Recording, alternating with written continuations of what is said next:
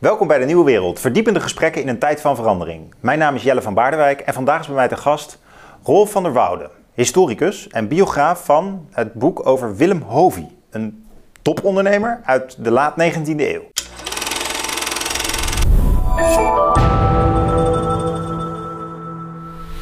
Rolf, Ja. jij hebt dus een biografie geschreven over een ondernemer die al nou, ruim 100 jaar eh, geleden stierf. Ja, En eh, dat is een beroemde bierbrouwer geweest. ja, zonder meer. Beroemd ook omdat hij eigenlijk een politieke rol heeft gespeeld. Naast zijn ondernemerschap was hij namelijk lid van de Eerste Kamer. Hij was een grote steun voor Abraham Kuyper. Ja, En hij was ook wel een gezien iemand. zonder meer. Uit, ja. een, uit een gedistingeerd familiegeslacht. Ja, De. Hovies, De verbonden Hovies. met andere families, zoals Ja. de Van Vollenhovens, Ja, de Zwarts. Leuk dat je hier bent. graag. Ben Kun je wat hier. meer vertellen over, over Hovey? Wat hij nou... Hij was een ondernemer. Waar, bleek dat nou uit? Was hij al vroeg ondernemer? Eh, nee, hij heeft zelfs een keer gezegd dat eigenlijk was hij niet van plan om ondernemer te worden. Maar eh, in, nou heel kort gezegd zat het zo, eh, de familie van Vollenhoven die had in 1892 eh, de brouwerij in Amsterdam de gekroonde Valk gekocht. En op een bepaald moment was zijn oom Willem Cornelis van Vollenhoven, die was daar de bedrijfsleider. Maar eh, oom Willem, eh, die was vrijgezel. En er moest toch nog een eh, bedrijfsopvolger komen, en liefst natuurlijk uit de familie, om dat kapitaal bijeen te houden. En eigenlijk kwam daar maar één iemand voor in aanmerking, en dat was neefje Willem. Ja. En hoe oud was hij toen? Toen was hij een jaar of 15, 16. Hm. En we weten niet precies hoe het gegaan is, maar meestal ging dat in die tijd via een soort familieberaad. En dan, nou ja, wat moeten wij doen? Ja. Eh, hoe zullen wij dat doen? En waarschijnlijk heeft eh, Willem daar geen inspraak in gehad. En toen is besloten dat hij eh, naar de technische school in Utrecht werd gestuurd. En dat was zeg maar een managersopleiding avant la lettre. En daar kreeg je allerlei vakken als boekhouden en, en talen enzovoort. En dan was de bedoeling dat je daarnaast nog in de praktijk ervaring opdeed. En dan kon je een bedrijf leiden. Ja. Nou, en die weg was voor hem ook uitgestippeld. ja. Dus eigenlijk, dat, dat bedrijf was al onderdeel van de familie. Hij heeft dat niet Ja. zo zelf opgezet. Nee, nee, Hoeveel hoor. mensen werkten daar toen hij daar begon? Ehm, dat zullen ongeveer tussen de 150 en 200 zijn geweest. Hmm, weet ik hmm. niet precies. En dat was een bedrijf, dus een bierbrouwer in Amsterdam. Vergelijkbaar met een bierbrouwer als Heineken of Amstel in die tijd. Nou, Heineken bestond in die tijd nog niet. Amstel ook niet. Kwam pas later op. Dat kwam er pas later op. Eh, Amsterdam is eigenlijk nooit zozeer een grote bierstad geweest. Eh, andere steden hadden vaak veel meer brouwerijen. Maar Amsterdam had één voordeel. Men had de connecties naar de koloniën. En op een bepaald moment is men begonnen met een biersoort dat lang houdbaar was. En dat kon dus ook in de schepen naar Oost-Indië verscheept worden. En dat kwam dan nog redelijk vers aan. En daar hebben zij een belangrijk aandeel in gekregen. En die Amsterdamse brouwerijen, en is ook de gekroonde valk, die dreven voor een groot deel op die export naar de koloniën. Hm. Eh, en zo rond 1850 waren er nog maar drie brouwerijen in Amsterdam. Eh, en daarvan was de gekroonde valk één van. Ehm, nou, Willem Cornelis, zijn oom dus, die is al begonnen met een soort moderniseringsproject. Eh, en toen eh, Willem erin kwam, hij werd eerst eh, zeg maar procuratiehouder. Nou, hij bewees zich als procuratiehouder en toen nou, was de weg voor hem open Ja. om mede aandeelhouder te worden en vennoot van de gekroonde valk. Want hoe oud was Hovey toen? Toen was hij 18, Ja, jong. heel jong. Ja, Ja. Maar toch kon hij al wat. hij kon nog wat. hè? Dus, dus in die zin was hij wel geknipt voor de zaak. Maar we weten niet precies wat zijn andere ambities waren. Maar nou, als je zijn eh, levensweg gaat bekijken, dan is hij waarschijnlijk graag eh, de zending ingegaan. Hm. Ja, want hij was echt overtuigd christen. Ja, hij heeft een, een, een bekeringsproces doorgemaakt. Je moet zien, hij kwam dus uit de Hovi-familie.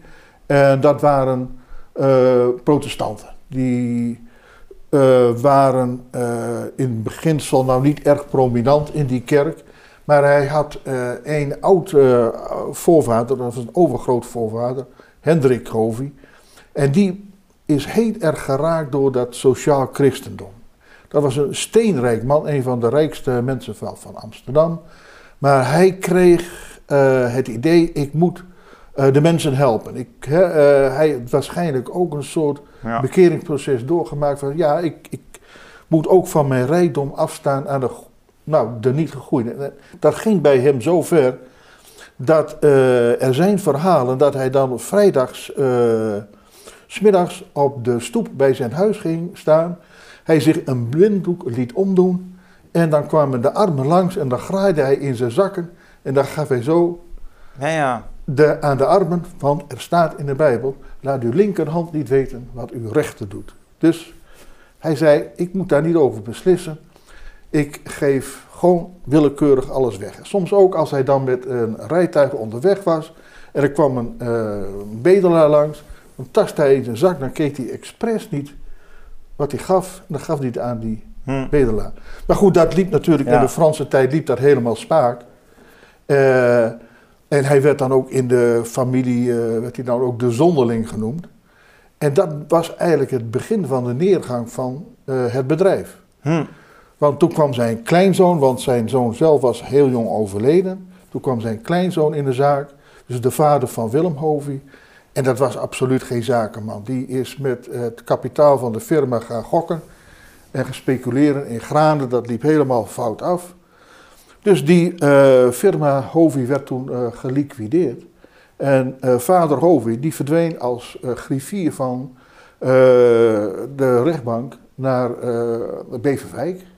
En er was natuurlijk een geweldige degradatie van uit dat regentenmilieu eh, van Amsterdam Ja. naar dat kleine kantongerecht Nog, in nog, nog, Beverwijk. nog even het grote plaatje. Ja, ja. Want we hebben het nu niet over Hovi, waar je een biografie over hebt geschreven, maar over zijn voorvaderen. vader- Zijn voorvader. Ja, zijn voorvaderen. Die waren dus eh, op een heel op christelijk geïnspireerde wijze bezig met caritas, met, het, met, met, met goede dingen doen. Ja, Maar die waren ook niet al te verstandig. nee, Toen is het bedrijf zelfs op de fles gegaan. ja. Eh, eh, Ja. Mooie beeldspraak voor Ja. een eh, bierbrouwerij. Letterlijk ook. En, en, en, deze Hovi die had de zaakjes beter op ja, orde. ja, maar dit was niet een brouwerij, dit was een handelsfirma. Want de brouwerij was nog altijd in handen van de familie van Vollenhoven.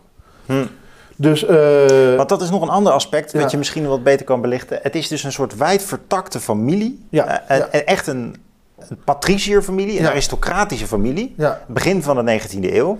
Die dan allerlei bedrijven en organisaties in bezit heeft. ja, En ja, een belangrijke ook politieke stem heeft. ja, ja, Ertoe doet in het. Amsterdamse. ja, zeker. En in die familie groeit hij op. En nu, die Ja. sneltreinvaart, hoe kom je dan bij die, bij, bij die Hovi terecht? Eh, ja, kijk, de van Vollenhovens, dat is van oorsprong een Rotterdamse familie. Eh, Pieter van Vollenhoven is daar ook nog een lood aan die familie. Maar op een bepaald moment gaat een van die van Vollenhovens, die gaat naar Amsterdam. En die koopt dan de gekroonde valk. En Hmm. Dat was gewoon een investering. Want hij kwam zelf nooit op de brouwerij. Hm. Dat liet hij over aan de meesterknecht. Hmm. Voor hem was een investering. En ook de mogelijkheid om bijvoorbeeld dat over te dragen aan een van zijn zonen. Hm. Want die moest dan ook wel weer een beroep hebben. Ja, Hè, en dan zie je dat eh, van Vollenhovens kant, dan komt die familie ook in het bestuur.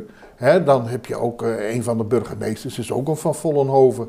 En die vertakken zich helemaal in dat, dat, dat zeg maar Amsterdamse regentenpatriciaat.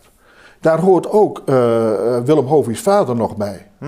Hè, die, maar goed, als, zodra hij dan zijn firma moet liquideren, hij ging niet echt failliet, maar de firma werd geliquideerd en hij moest er een baantje bij nemen.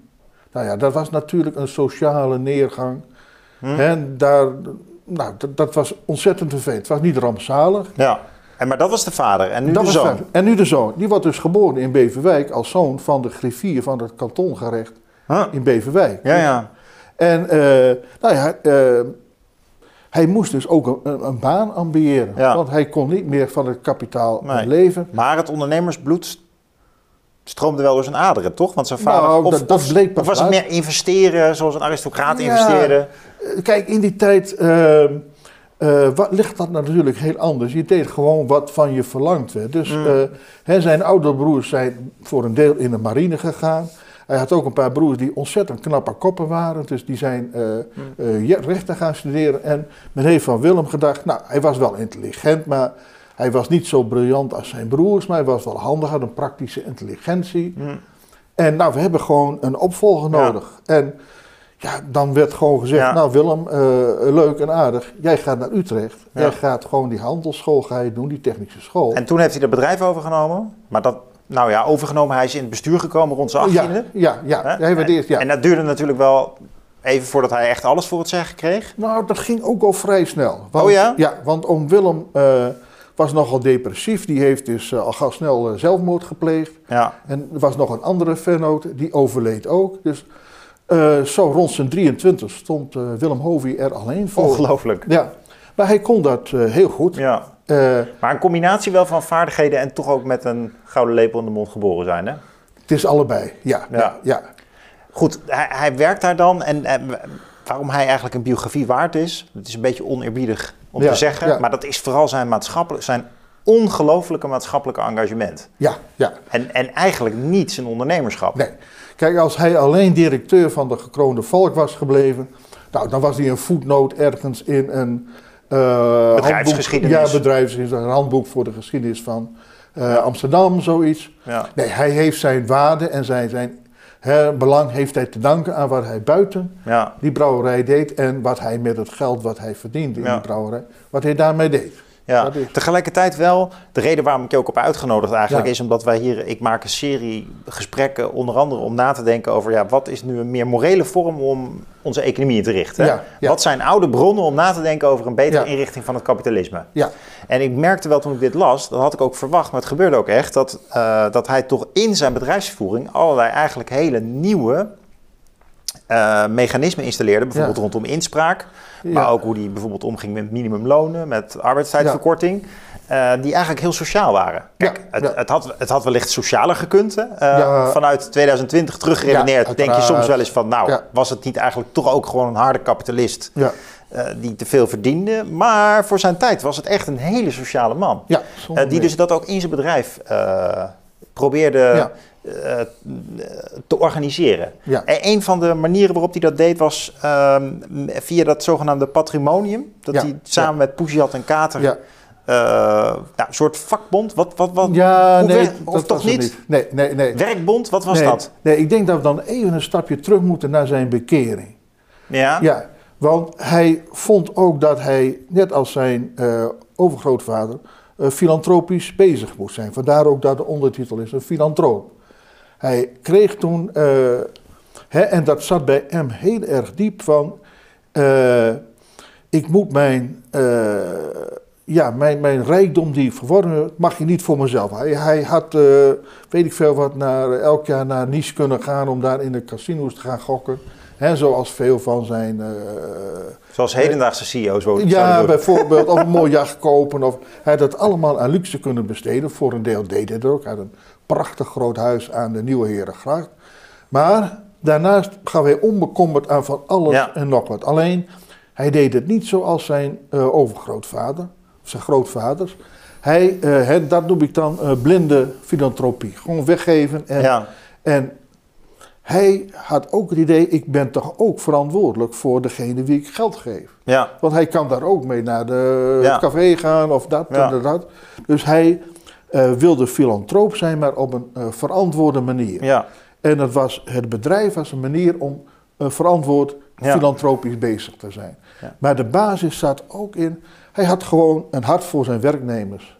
Ja. Hij, eh, Maar dit, wacht even, even terug. Want die filantropie, dat beschouw ik toch als een, als een eh, vorm van ehm caritas. Dat je geld geeft aan andere mensen. Gewoon Hmm. omdat je een, een doel belangrijk vindt. Kan in de kunst zijn Ja. of bijvoorbeeld Ja. de bestrijding van, van ziektes. Denk aan Bill Gates of eh, in ons land eh, Frits Goldsmedingen. Ja. Dat zijn bekende filantropen. ja, ja, En dat was hij. Maar hij was ook een goed werkgever. ja, ja. En dat is, was dat nou filantropie? Ik denk eerder dat dat echt goed werkgeverschap was. Hij zorgde voor zijn, Ja. voor zijn eigen groep mensen. Ja. Inclusief hoe ze woonden. En, eh, had misschien beter gekund, daar gaat het niet om. Eh, Het was een stuk beter dan heel veel andere werkgevers doen. Daar, gaat het, daar gaat het wat mij betreft meer om. Dat hij, dat hij daarin eigenlijk voorliep. Zeker. En- Maar, ja, maar zijn motief eh, was wel filantropisch. Hè, want voor hem maakte dat niet uit. Hij, eh, Hij gaf het even graag aan de zending aan als de aan zijn eigen werknemers. Aan zijn, aan zijn eigen werknemers. En, en hij gaf aan van alles, ook eh, het bijzondere onderwijs kwam toen op. Nou, hij gaf Ja. van alles aan scholen. Voor hem was het eh, het idee van, ik moet die kleine luiden, dat, eh, die, die, die gereformeerde groep die Ja. in de politiek en maatschappij niets te, te makken hadden, Ja. die wil ik toch vooruit helpen. Nou, goed dat je dit inbrengt, want dat, dat hangt ook samen met zijn steun aan Abraham Kuyper. Ja, Dus de, de, de, de grote Kuyper, Ja. de vo- voormalig minister-president van Nederland ook. ja, Eh, de eerste jaren van de, van de vorige eeuw, eh, 1901 tot 1905 dacht ik. ja, Eh Kuyper die ontmoet al veel eerder Hovi. Ja. En Hovi wordt eigenlijk zijn, nou ja, zijn financier. ja, Eh Hovi helpt hem, dat las ik in jouw boek, om eh, de standaard op te richten. Ja. Waar hij zijn fameuze drie sterren in schreef. Zijn dagelijkse opiniestukjes. eh. Die commentaar gaf op het nieuws. Eh, maar Kuyper vraagt hem ook om de Vrije Universiteit mede te financieren. ja, En hoe, hoe, hoe kenden die mannen elkaar? Waar, hoe Ja. kennen Kuyper en Hovi elkaar? ja. Zij hadden eh, met z'n allen, eh, dat, dat is, nou, Kuiper was dan de bekende en de belangrijkste ideoloog. Maar je had bijvoorbeeld ook nog een andere financier, een zekere eh, Sanders. Die was ook heel rijk, gaf ook veel geld aan goede doelen.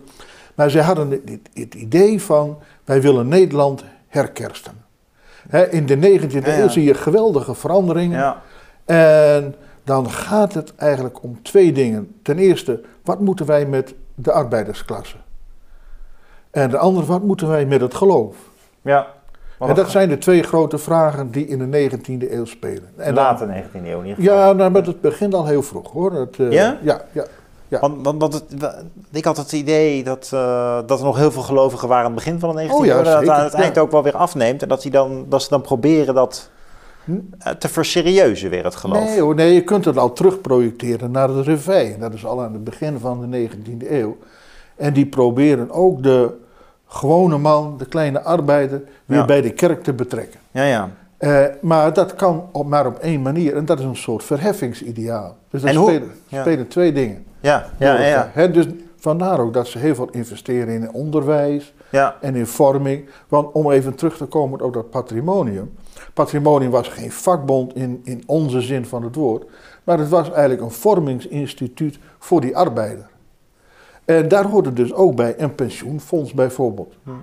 Eh, hè, want eh, men zei van nou ja, nee, de arbeider moet ook verantwoordelijk worden voor zijn eigen leven. Ja, Dus hij moet ook sparen voor dat pensioen. ja, ja, ja. En zo had men ook eh, zeg maar woningbouwverenigingen. En die waren eh, min of meer eh, gefundeerd op een soort revolving fund principe.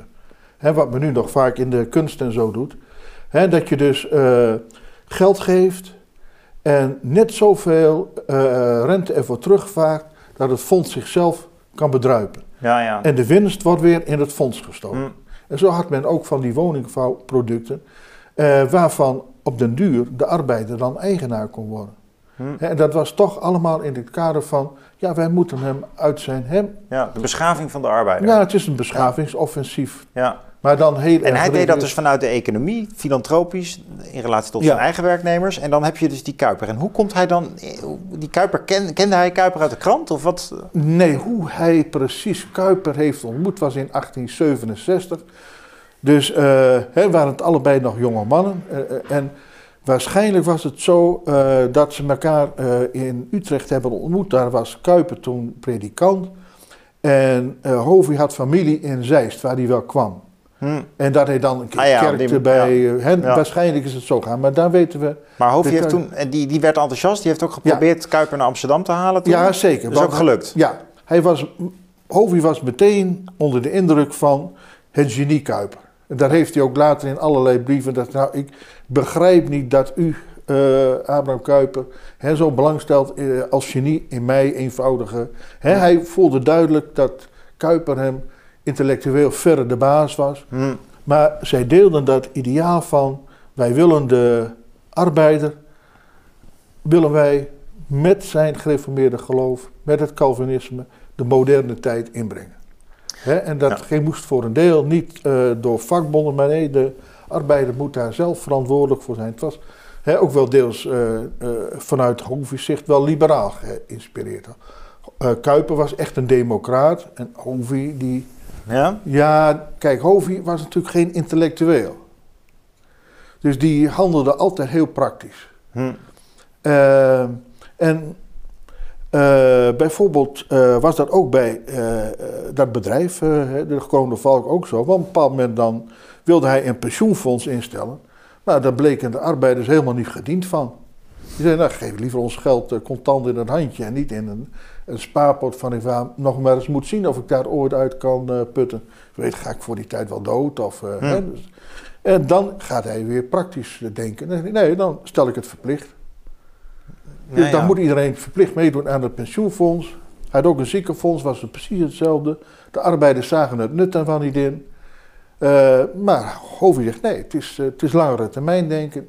Ik wil jullie daarin meenemen, jullie ook daar verantwoordelijkheid in geven. Dus jullie moeten ook een deel van eh, jullie loon moet je inleveren. En dat verplicht ik. Hm.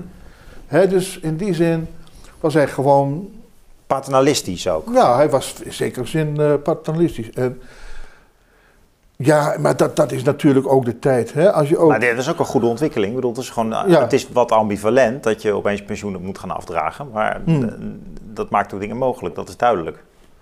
Maar Ja. die Kuiper die, die gaat dan met behoorlijke steun van Hovi. Dus dat is ook weer die filantropie. Dus daar Ja. gaf hij ook weer eigenlijk met eh, geblinddoekt, zoals zijn grootvader, het geld weg. Ja, nee, hij wist natuurlijk drommels goed waarvoor het was. Ja. Hij stond er helemaal achter. Want dat was de neo-Calvinistische boodschap. Ja, Herkerste Nederland, Zo. Verenigde Gereformeerden, ja, richt een eigen universiteit op. ja. Hij was ook betrokken bij die instituten waar hij in investeerde. Dus ja, hij, zonder meer. hij zat zelfs ook in de Raad van Commissarissen, of hoe noemen we dat nu? De, de, de, Nee, de- het hij- bestuur van de Vrije Universiteit, daar zat Ja, Hovi ook ja, in. hij was directeur, dus hij regelde de dagelijkse gang van zaken. Dus hij nam hoogleraren aan. Ja. Dat deed hij wel met een college. Hij deed het niet alleen, maar hij was president-directeur. Hij was daar het hoofd van. Ja. En er was ook even, als er dan weer een professor moest komen en er was even geen geld, nou dan schoof hij wel weer wat toe. Hij heeft er, nou we weten niet hoeveel geld erin gestoken, maar veel meer dan je alleen maar uit de stukken blijkt. Hm. En elke keer, nou dan moest er weer wat gebeuren of ja. er moest er weer wat geregeld worden. Nou, schoof wel weer wat En bij. hoe bestuurde hij dan bijvoorbeeld de VU? Maar hij zat in veel verenigingen en, Ja. en, en instituutjes. Hè? Dus ik, in je Ja. boek zitten twee volle pagina's met al zijn neven, nevenactiviteiten. Ja, Hij had een behoorlijk zwaar cv. Ja, Eh daar kun je twee conclusies uit trekken, vond ik. Je kunt zeggen van, was hij ooit wel op zijn echte werk? Nou, in ieder geval 's ochtends bij het Bijbel lezen en Ja. dan om de zaak gaande te houden. Eh, maar dat is misschien wat cynisch gezegd. Maar hij deed ongelooflijk veel daarnaast. Dus ook directeur op de VU. Nou, dat zou op zich al een zware baan geweest zijn. Maar wat, wat deed hij daar dan in dan bijvoorbeeld? Was dat dan één keer in de week vergaderen? Of hoe, hoe zag dat da- er dan daar uit? moet je het dan eigenlijk wel, wel eh, vooral de, de, de VU zal hem veel geld gekost hebben. Ja, en tijd ook. En tijd. En hij zat ook in de gemeenteraad en Ja. Op een bepaald moment zegt hij ook, nou dat kost mij gewoon twee dagen in de, in de week. Huh. Was hij nog een dag bezig met de VU.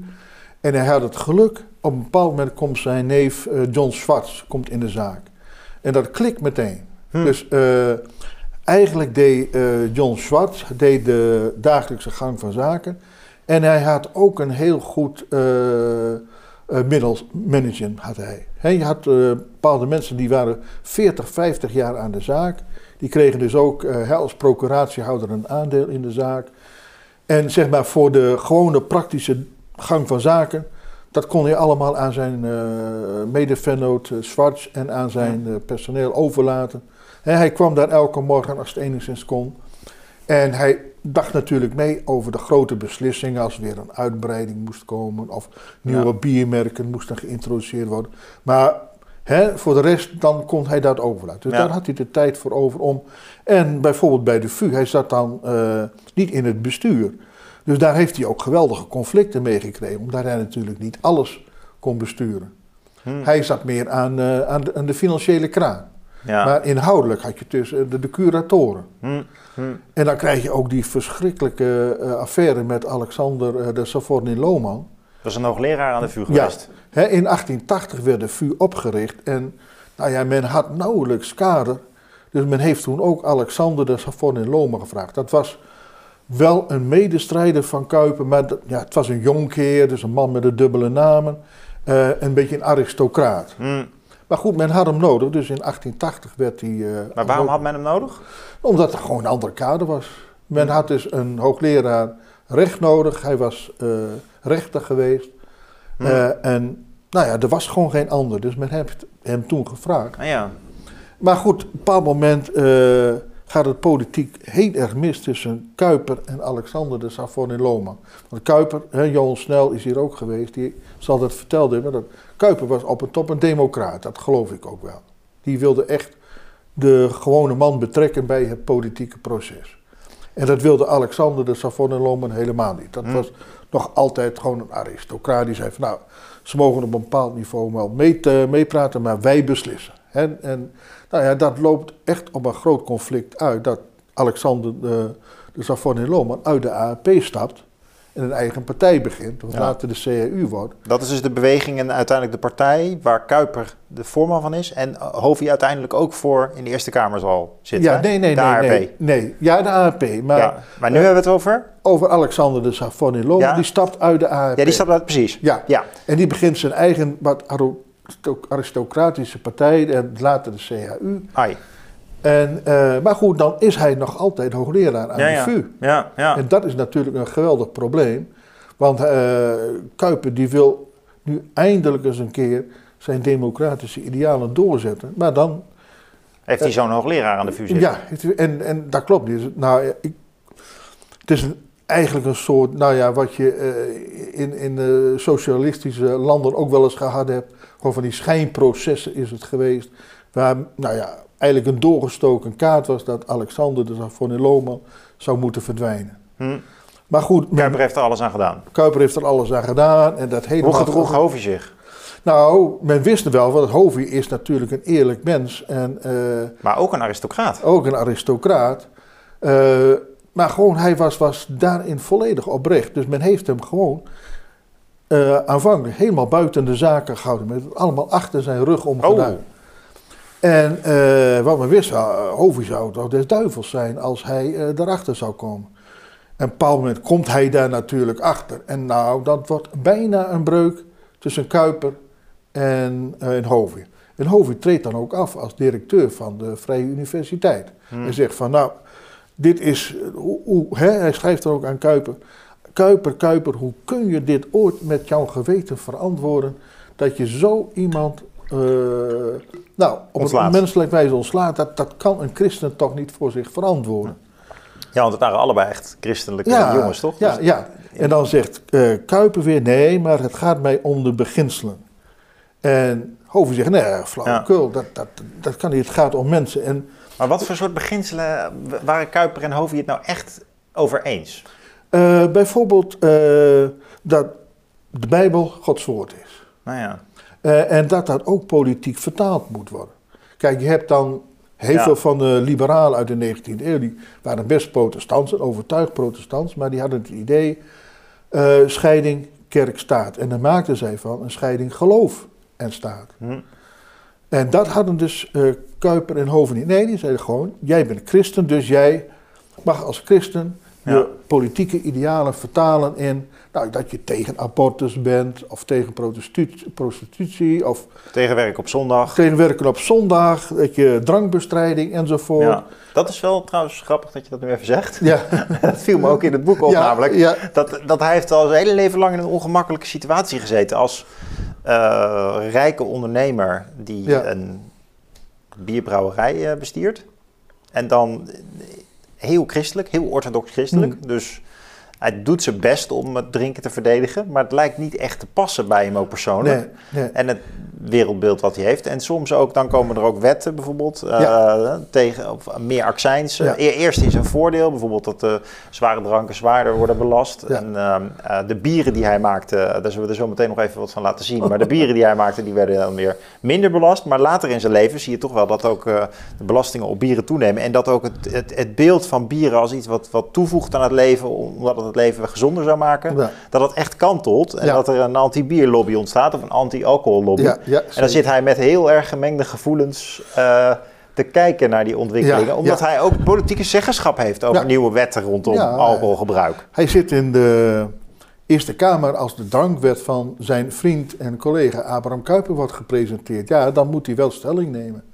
Maar dat was in het begin nog niet zo. Toen hij dus echt begon, zeg maar rond 1860, 70 als bierbrouwer, was bier nog onomstreden een alternatief voor de sterke drank. En de grote vijand zat in Schiedam, waar men jenever brandde. Ja. En het, eh, de spreuk was van eh, gebrand is fout, gegist is goed. Dus je mocht bier en wijn drinken. Dat, dat was dan een beetje de Ja. filosofie. Eh, want er zijn ook eh, eh, eh, onthoudersverenigingen geweest die in het begin het plan hadden om dan maar een bierbrouwerij te beginnen. Want dan komen in elk geval die arbeiders van de sterke drank afhouden. Maar goed, eh, maar dat perspectief dat kan tot langzaam, want hè, dan komt ook de eh, gezondheidswetenschappen en Ja. eh, de voedingsleer komt dan op. En ja, die laat dan wel zien dat alcohol gewoon hè, Ja. nauwelijks goede effecten heeft. En dan weet ik het niet precies. Want Hovey die gaat dan dat van Vollenhoven stout introduceren. Waarschijnlijk heeft zijn neef John Swartz, want die heeft een poos in Engeland gewoond, heeft dat eh, een beetje naar voren gebracht. En dan gaat hij helemaal op dat gezondheidsaspect. Van het is voedzaam. Ja, in reclames ook, hè? En reclames ook. En Ja. de zwangeren. Ja. En, eh, Dan gaat hij medici overtuigen dat ze hun naam moeten koppelen aan de drank. Ja, hij En dan weet schiet hij uit de bocht. Ja, zeker. Dat doet hij ook niet helemaal. eh, nee, nee. Nee. Hè, dat, dat, dat, dat wringt. Maar. Maar goed, het beste paard struikelt ook wel eens. ja, maar Het ik lijkt, heb. het lijkt ook wel behoorlijk normaal te zijn geweest toen dat Ja, medici met dat soort bedrijven ja, samenwerkten. ja, Dus met, met, dat zijn pas beschavingsontwikkelingen geweest die eh, later Ja. komen. Hè? Dat Ja. mensen dan kritiek daarop hebben en Ja, dat je er niet meer zomaar reclame over kan maken. nee, nee, maar men wist ook niet veel beter. Op een bepaald moment zie je ook dat een of andere kinderarts van een weeshuis in Zandvoort, die gaat ook een proef doen. En die geeft de ene eh, helft van de, zijn pupillen geeft die melk. En de andere van Vollenhoven Start. Dat zijn kinderen van een jaar of tien of zo. En wat constateert hij? Nou ja, eh, ja alleen die jongens eh, die, van Vollenhoven Start, die zijn dikker geworden. Maar niet gezonder. Ja, op dat pijl staat de, de voedingsleer nog in die tijd. Dus hij kon dat ook lang volhouden. Maar daar ben ik niet helemaal achter in hoeverre hij dat, hij dat tot hem doordringt. Ik denk eigenlijk dat hij tegen beter weten in dat altijd heeft volgehouden. Hij heeft nooit toegegeven dat zijn bieren op een of andere manier ongezond zouden kunnen zijn. Hm, hm. En dan protesteert hij ook tegen de drankwet. Hè? Dan, Ja. en, en dat doet hij met allerlei rare argumenten waarvan we denken, nou ja, dat, dat zijn gelegenheidsargumenten geweest. Dus ergens heb ik het idee dat hij ook wel door had dat hij tegen de bierkaai vocht. Ja. Maar ik ben nergens iets tegengekomen waarvan hij toegeeft van, hé, hey, ik... Die relatie Ja. met Kuiper, las hij Kuiper veel? Las hij zijn boeken en zijn, zijn kranten? Ja, zeker. Ja, Oh, dat ja hoor, je krijgt dan ook Dat was niet alleen maar een emotionele klik en een Nee, geldklik? nee, nee, zeker niet. Hij schrijft dan ook aan, eh, eh, dan is de standaard is, is een poosje uit. En dan schrijft hij ook aan Kuiper van, oh wat geniet ik toch Ja. van die drie sterren enzovoort. Mm. En eh, of hij echt die theologische boeken nou doorploegde, dat denk ik niet hoor. Maar hij volgde wel de Heraut en dat Ja. was toch een belangrijke theologische Ja. uitlaatklep van Kuiper. Mm. Dat las hij allemaal perfect, ja zeker. Hm, hm. Dus ze waren qua eh, theologische insteek, eh, waren, was het twee handen op één buik. Dat, daar, daar vocht men ook niet over. En op het moment dat Kuiper echt groot werd in Nederland, Ja, toen was Hovi ook nog in de buurt bij hem. ja zeker. Hovie is toen... eh, Want hij is ook de, kamer, de Eerste Kamer ingegaan. Ja. En dat, dat doet hij dan, neem ik aan, op instigatie van Kuiper, die ja, ja die, Of- die beslist over al dat soort dingen Ja. uiteindelijk wel. Ja, nee, men, eh, eh, daarvoor was dan die seinpostaffaire met Alexander de Savonelomen. Daar heeft wel een breuk opgeleverd. Je kunt dan ook zien dat de briefwisseling die daarvoor toch wel vrij regelmatig was, dat, dat loopt dan een beetje af. Hm, hm, Hè, maar ja. Hovey zegt dan toch, ik blijf toch de zaak steunen. Hij is toen afgetreden als directeur, maar hij zegt, ik blijf lid van de vereniging en ik Hmm. blijf ze ook financieel steunen. Eh, hij was ook met de doliantie meegegaan eh, en hij zegt van, nou, ik blijf ook de gereformeerde kerken dienen. Dit zijn menselijke fouten gemaakt, maar eh, ik wil mij toch richten naar het hogere en dat vind ik belangrijker dan ja. dit, dit, dit aardse gewurmel en gedoe, daar geef ik mijn principes niet voor op. Nou ja, dat is wel weer mooi. Ja, Edel van hem. ja in die zin hij was hij... boven. Ja, ja. In die zin was hij... Ja, hij was een beetje te goed voor deze wereld, hoor. Eh, Ja, hij Ja. wordt ook in je boek aan het einde valt ook het woord naïef. Ja. Maar er blijkt toch ook wel wat daadkracht. Eerst nog even over die daadkracht ja, hoor. ja. Want, want hij ontmoet natuurlijk ook andere grote ondernemers. Hm. Onder andere Jacques Marke eh, van het latere DSM en Calvé, Ja, ja. uh, Pindakaas. Ja. Ehm, waar ook onlangs een biografie over verschenen is ja, trouwens. mooie biografie. Ja, En ehm, ook Stork. ja En, kent u die en, ook? en de wat minder bekende ondernemers van toen. Ja, Hoe zat hij in die, in die relaties? Was hij, eh, want van Marken weten we bijvoorbeeld dat het ook echt een sociaal ondernemer was. ja.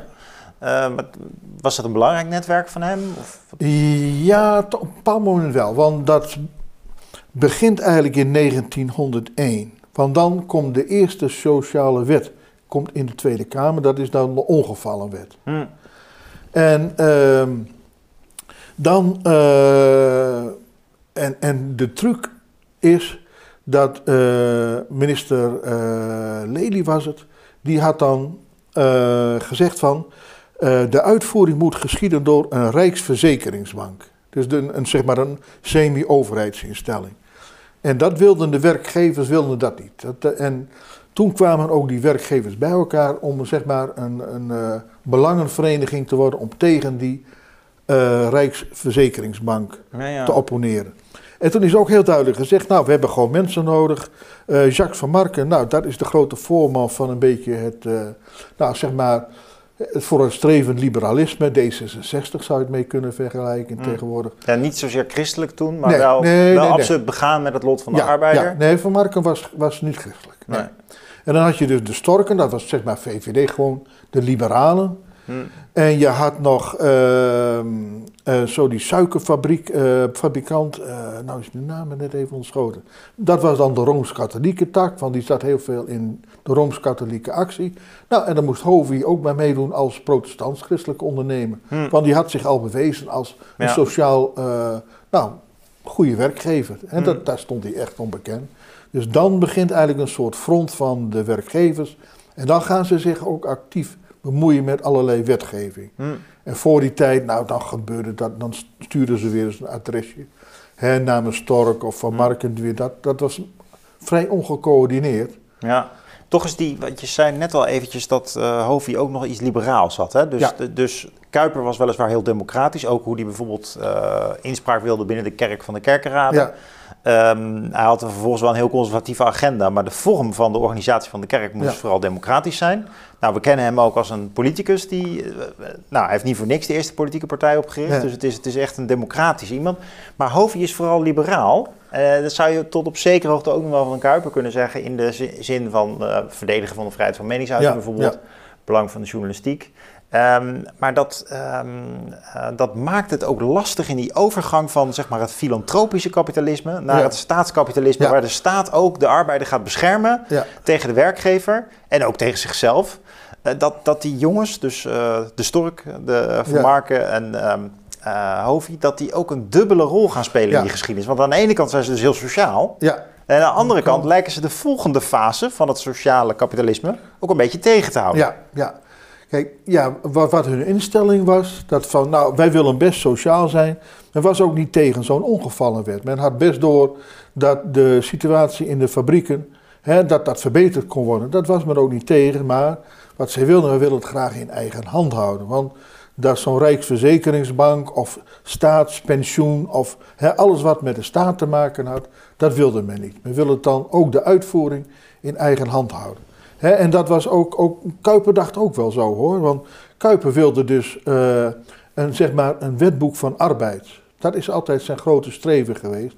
En dat is dus een soort kaderstelling Hmm. van het sociaal netwerk, als het ware. Zijn oplossing voor de... Ja, en dan, kijk, daar staat dus niet precies in van wat wij nou zeg maar eh, in allerlei regelingen hebben en, en dit en dat. En in een CAO is zo'n dik boekwerk geworden.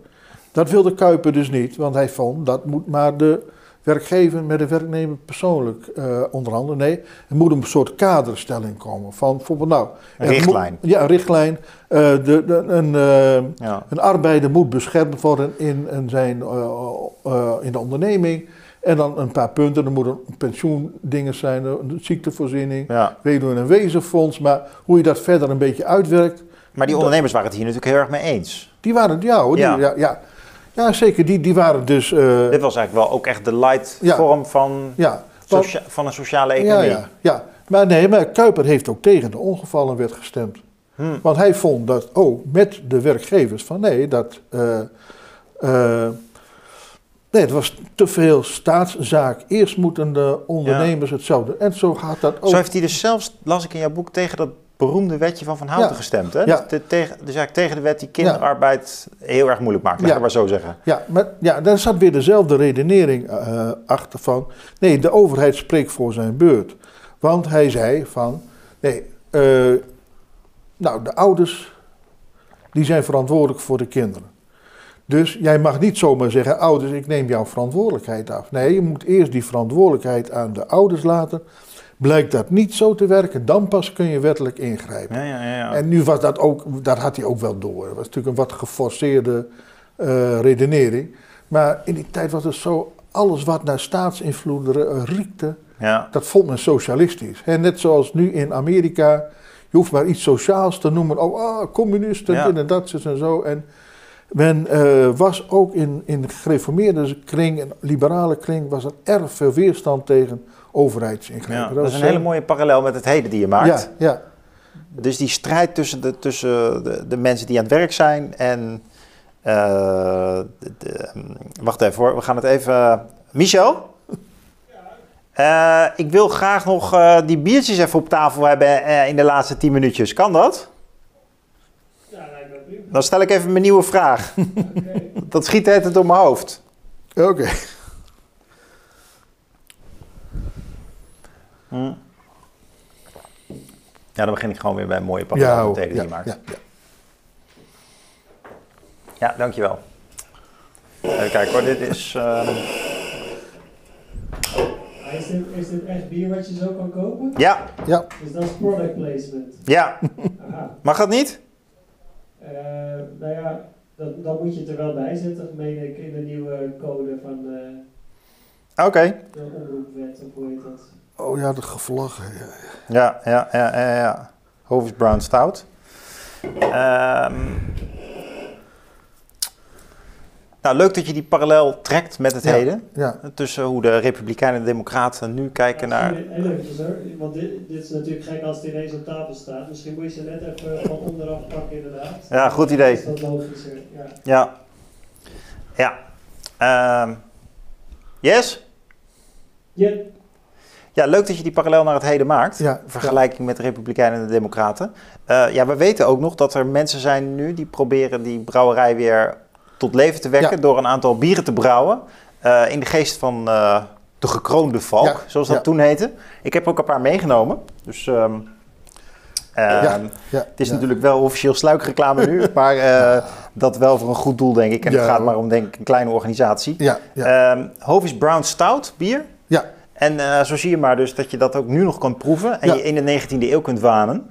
ja, zeker. Ja, En je hebt een biografie geschreven over de man die dit bedrijf een tijd lang heeft gerund. Ja. Die het dus kreeg van zijn familie eigenlijk. ja, Er ook hard voor gewerkt heeft. Ja. Vervolgens heel veel heeft weggegeven. Daarom eigenlijk, hij, jij noemt hem niet voor niks echt een filantroop. ja. Ehm, ja, een biografie schrijven. Kun je daar tot slot nog een paar dingetjes over zeggen? Van, je eindigt je biografie zelf met dat je zegt van... ik wilde geen bever-biografie schrijven. ja, ja dat is ja. heel veel details en anekdotes. Ja, Eh, en dan zeg je van een vlinderbiografie, dat is dan meer de grote greep. ja, Als ik het goed begrijp. ja, ja, Nou, daar lijkt het meer mee in de buurt te komen. Ja, Eh, ja. Een overzicht over de sociale tijd waarin iemand leefde, wie iemand was. Maar ook bijvoorbeeld de bedrijfsgeschiedenis zelf. ja. Eh, ja, wat, is dat zo? Is dit een vlinderbiografie? Zo heb ik het in, voor een belangrijk deel wel willen opzetten. Ehm, eh, het heeft een beetje als achtergrond. Ik heb mij in het verleden heel veel bezig gehouden met de Tweede Wereldoorlog. En ook met een figuur als Hitler bijvoorbeeld. Hm. Ik had alle biografieën in die tijd had ik allemaal gelezen. En op een bepaald moment kreeg ik eh, dat boekje van eh, Sebastian Hafter. En dan kanttekeningen bij Hitler. Maar zo'n dun boekje. Ja, dat is een dun boekje. Een boekje en ik dacht, nou, daar kan beslist niks nieuws meer in staan wat ik nog niet weet of eh, wat ik zou willen weten. En toen ik het uit, dacht ik, hé, hey, hij heeft alleen maar door een eh, bepaald interpretatief kader te kiezen, door een bepaald perspectief te nemen, heeft hij mij een hele andere kijk op Hitler gegeven dan ik ooit had kunnen denken. Dat hij ook bijvoorbeeld eh, het, het- het probleem aanvat, nou ja, wat heeft Hitler ook goed gedaan? Iets wat natuurlijk voor die tijd, eh, Ja. nou, no done was eigenlijk. wanneer verscheen die biografie? Nou, dat moet ergens in de jaren 70, 80 zijn Ah, ja. geweest. Zo, ik weet het niet meer precies. En ehm, als ik het me goed herinner, ik heb het ook gelezen, maar het gaat eigenlijk heel erg over dat eh, Hitler altijd al een soort uit was op destructie, hè, op Ja, vernietiging. ja, en eigenlijk overal eh, dingen te gronden richten ook. ja, Eh, en is dat die lens die je bedoelt? ja, van, hè, Dat, dat, Ja. dat, hij, dat hij een persoonlijk verhaal kan lezen in, in, in de lens van, nou ja, van destructie ja, dus. Ja, En dan Ja. toch recht doet aan de positieve aspecten. Ja, ja en dat is natuurlijk gewoon het probleem bij elke biografie. Eh, Aan de ene kant eh, moet je niet te veel met die tijd meegaan. Aan de andere kant, je moet toch ook zo reëel zijn. Zeggen, ja, het, het gebeurde toen. En mensen hè, die stonden nu hè, nog voor die geschiedenis die wij hebben. En ja, achteraf kun je natuurlijk heel makkelijk redden. Dus daar moet je altijd proberen eh, te laveren. Tussen begrip en toch oordelen. Ja, en waar zou je dan... Want we weten wel wat we begrijpen aan hem, hè? Ja. Het, het is een man van de maatschappij geweest die Ja. veel voor mensen heeft betekend. Anderen heeft gesteund. Ja, Een oliemannetje. Een people's manager noem je hem ook. ja, Dat was echt zijn grote eigenschap als ondernemer. Hè? Ja. Hij was een mensenmens. ja. Wist mensen te motiveren en te herkennen. Dus dat is heel mooi. Maar wat, wat, wat, zou, waar had je dan een oordeelsgevoel? Of denk je van, dit is gewoon een hele sympathieke man? Nee, nee, nee. Voor mij heeft hij ook in andere opzichten wat betekend. Ehm, en dan, dan trekken we even weer de vergelijking met Abraham Kuyper en die Seinpost-affaire. Hè, toen ehm, Met de Saffen in met de Loman? Savon in Lohman, Ja, die ja. gewoon zeg maar op een eh, nou, achterbakse manier de laan uitgestuurd werd. Hm. Toen eh, eh, had Hovi een brief geschreven aan Kuiper van nou, verschrikkelijk hoe je dat kunt doen. En da- toen had Kuiper aan zijn vrouw geschreven, ja die Hovi die begrijpt er helemaal niets van. Hij begrijpt niets van beginselen. En dat is dus het doel heilig de middelen. Dat is dan zo'n ideoloog als Kuiper is. Hm. Nou ja, jammer, de, we gehakt worden vallen spaarders, dit en dat. En voor mij, en dat vind ik voor mij persoonlijk heel belangrijk, Hovi heeft dat als ware omgekeerd. Hij heeft gezegd, de middelen heiligen het doel. Ik heb wel een doel, hij had natuurlijk dat doel van die herkersening, maar ik moet dat altijd via mensen doen, Ja. niet via ideeën. Hè, eh, en nou ja, dat is ook voor mij heel belangrijk, want ik ben dan in die zin een anti-ideologisch denker. Je moet je idealen hebben, maar mogen nooit verworden tot ideologieën. Hm. En daarvoor is Hovi heel erg belangrijk Ja, mij. mooi gezegd. Ja. Wat ik ook, heel mooi gezegd. Was eigenlijk een heel ethisch man. Ja, ja, Wat ik ook heel interessant vond, echt interessant, is dat jij eh, met behulp van, ehm, van eh, verschillende co-onderzoekers ja, laat zien hoe eh, in dat bedrijf op een gegeven moment de aandeelhouders, vaak familieleden, ja, zo machtig worden dat hij heel veel dividend moet betalen. En dat bedrijf eigenlijk beladen is met schulden. ja. En een van de redenen waarom het bedrijf in elkaar zakt, los van dat hij geen, Ja. gewoon geen opvolger heeft, geen, geen zoon die het Nee, overneemt, nee, nee. maar een belangrijke reden lijkt toch te zijn ja, dat, dat het aandeelhouderskapitalisme Ja. dit bedrijf parten heeft gespeeld. Ja, En dat er gewoon niet genoeg winst wordt gemaakt om te Nee. investeren. nee, En dat dat eigenlijk, als je het vergelijkt met bedrijven van toen, bij bijvoorbeeld Heineken, dat dat daar minder speelde. Dus dat Ja, het ja. echt ook gebukt ging onder zijn eigen schulden, dit bedrijf. ja, uiteindelijk wel. Ja, en dat vond ik toch heel apart om te lezen, ook omdat het dus zo'n sociale bewogen ondernemer is. ja, ja. Ja, die dan toch klem komt in die financiële structuren. En daar eigenlijk niet meer uitkomt. Nee. Nee, dat heeft uh, Ariette Dekker heel mooi uitgezocht. Ja, Ariette Dekker, ja. Ja, die heeft uh, zeg maar de bedrijfshistorische aspecten heeft die onderzocht. En, en dan zie je heel duidelijk, ja, eigenlijk was Hovi tot grote hoogte toch maar een zetbaas van zijn familie.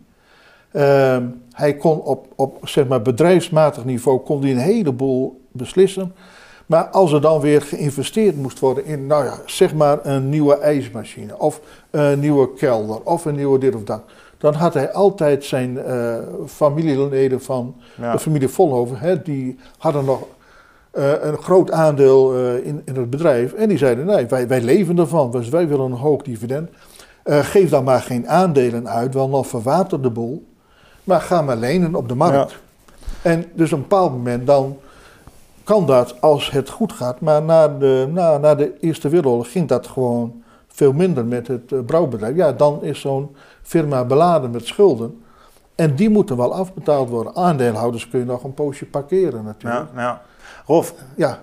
We zijn aan het einde gekomen. Oh, nu al. Um, We hebben in ieder geval weer heel veel geleerd over Willem Ovie. Ik denk Ja. eigenlijk dat de meeste mensen hem niet kenden, tenzij Nee, je wat nee. meer van eh, Kuiper kent. hè. Ja, De, eh. Kijk ook het gesprek op de Nieuwe Wereld van, eh, over de biografie van Johan Snel. Ehm, die kun je zo terugvinden op YouTube. En die Hovi, die, ja, dat was dus eigenlijk de tweede man naast Kuiper, maar zelf ook een grote persoonlijkheid in, ja, in de economie van toen. Eh, hij brouwde bier en eh, een paar jongens uit Amsterdam die hebben dus eh, geprobeerd om wat van die bieren opnieuw te brouwen. Dat gaat heel goed. Ehm, eh, dat bedrijf heet Pusjat en Kater. Wij gaan lekker Pusjat en Kater bier drinken. ja zonder meer. En dat gaan we nu doen. Oké.